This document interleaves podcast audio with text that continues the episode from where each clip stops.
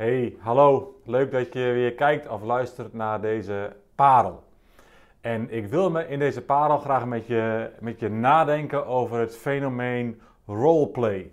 Dat, uh, dat is uh, iets waar het vooral om draait in games, in computergames. Uh, waar ik zelf eigenlijk helemaal niet zo ja, druk mee ben.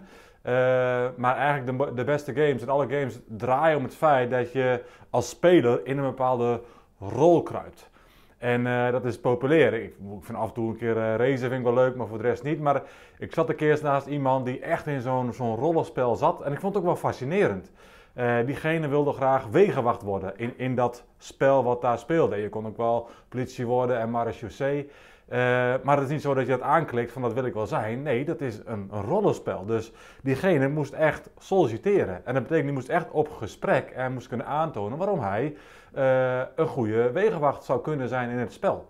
Nou, die persoon werd aangenomen en vervolgens ja, reed hij ook echt in dat spel rond in een wegenwachtauto. En kreeg hij ook echt meldingen van de meldkamer, uh, waar hij dus moest aangeven of je beschikbaar was of niet, of dichtbij in de buurt was. En ja, dan kreeg hij zo'n melding en ging naartoe. En dan moest hij ook echt zijn rol als wegenwacht vervullen. Van uh, meneer, uh, mevrouw, wat is er aan de hand en waarmee kan ik u helpen? Ik vond het wel fascinerend om te zien. Het is eh, bijna real life, zou je kunnen zeggen, maar net niet. Bij veel rollenspellen uh, in allerlei games.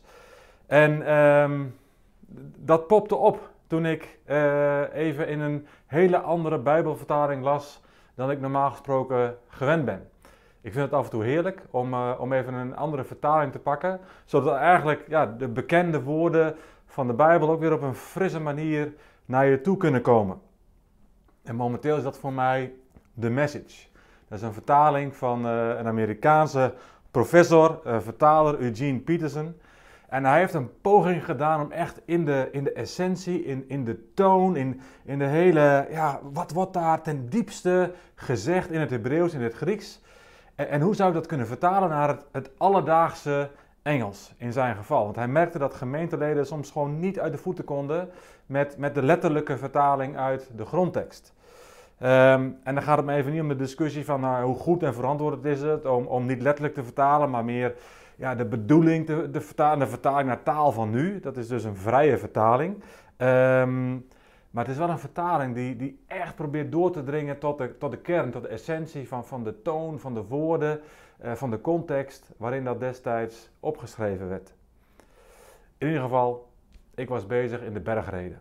En toen kwam ik bij het volgende vers in het gedeelte waar Jezus het heeft over bidden.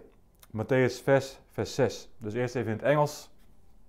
Here is what I want you to do. Find a quiet, secluded place so you won't be tempted to role play before God. Just be there as simply and honestly as you can manage. And the focus will shift from you to God. And you will begin to sense His grace. En mijn eigen vrije vertaling hiervan, het is eigenlijk een vertaling van een vertaling, de woorden van Jezus. Dit is wat ik wil dat je doet. Vind een stille, vind een afgezonderde plek waar je niet wordt verleid om in een rollenspel met God terecht te komen of een rollenspel voor God op te voeren. Wees daar gewoon zo eenvoudig en zo eerlijk mogelijk als je kunt. En dan zal de focus zich verleggen van jou naar God. En je zult zijn genade beginnen te voelen. Het gaat hier om bidden. En dat is een onderwerp waarvan ik vind dat het altijd weer belangrijk is om erover te hebben.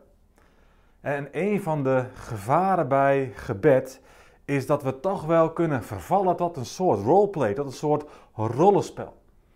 Ons gebedsleven kan soms maar een beetje wegglijden naar, een bepaalde routine.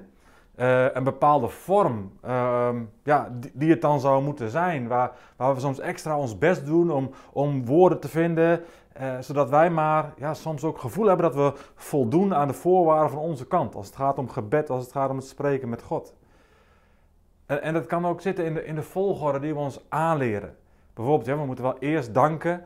Uh, en dan aanbidden en, en dan beleiden en dan kunnen we voorbeden doen. En we begrijpen goed, in zichzelf is daar helemaal niets mee. Sterker nog, ik ben er eigenlijk wel fan van. Ik heb ook vaak genoeg in preken daarover gepreekt. Hoe bijvoorbeeld ook dankbaarheid, het kiezen voor dankbaarheid, dat dat mijn hart zachter maakt. Zodat ik van daaruit ook gemakkelijker en weer breder kan bidden voor de dingen waar ik graag ook voor wil bidden. Dus dat is helemaal waar en dat is helemaal goed. En toch, en toch, in welke vorm van gebed we ook terechtkomen, en of we nou daarin een volgorde aanhouden, wat in zichzelf hartstikke goed kan zijn, en toch, het, het kan zomaar een gevaar zijn dat in ons gebedsleven het ook bijna real life is, maar net niet. Net als in de roleplay in de games. Dat we ons toch soms zomaar vastzetten in, in vormen, in volgorde, in, in, in een manier van spreken die we denken dat hoort bij gebed. Waardoor het eigenlijk deels juist buiten ons hart omgaat. En terwijl het hart van gebed is dat het draait om ons hart. Om jou en om mijn hart. Wat zit er in ons hart? En, de oproep in Matthäus 6 hier is daarin zo krachtig. Wees zo eerlijk en wees zo eenvoudig mogelijk als je maar kunt zijn.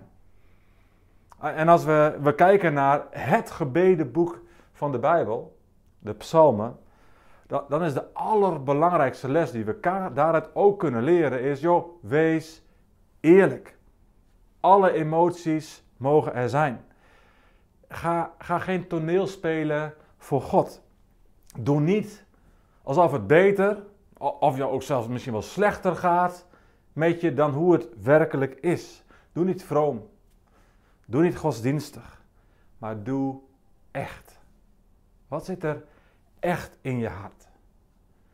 En mag God daarbij rauw als het rauw is. En rond als het rond is. Of je nu vol geloof, of misschien wel juist vol twijfel bent. Wees eerlijk tegen de Heer. Of je nu vol hoop zit of vol teleurstelling. Wees eerlijk tegen de Heer. Of je nu vol vreugde of juist vol pijn zit. Wees eerlijk tegen de Heer. En, op dit moment ben ik ook een, een, een prayer course uh, aan het volgen om ook te kijken of we dat misschien wel kunnen gebruiken in onze gemeente. En er was in de eerste les ook zo'n mooi rijtje. Keep it simple. Keep it honest. Keep it up. Als het gaat om gebed, houd het simpel. Hou het eerlijk. En hou het vol. Blijf bidden vanuit je hart. En niet altijd maar vanuit je hoofd. En weet dit. Als je gaat bidden. Als je gaat delen van wat er allemaal in je omgaat. Heel eerlijk en soms heel rauw. In het delen begint het hele. Amen.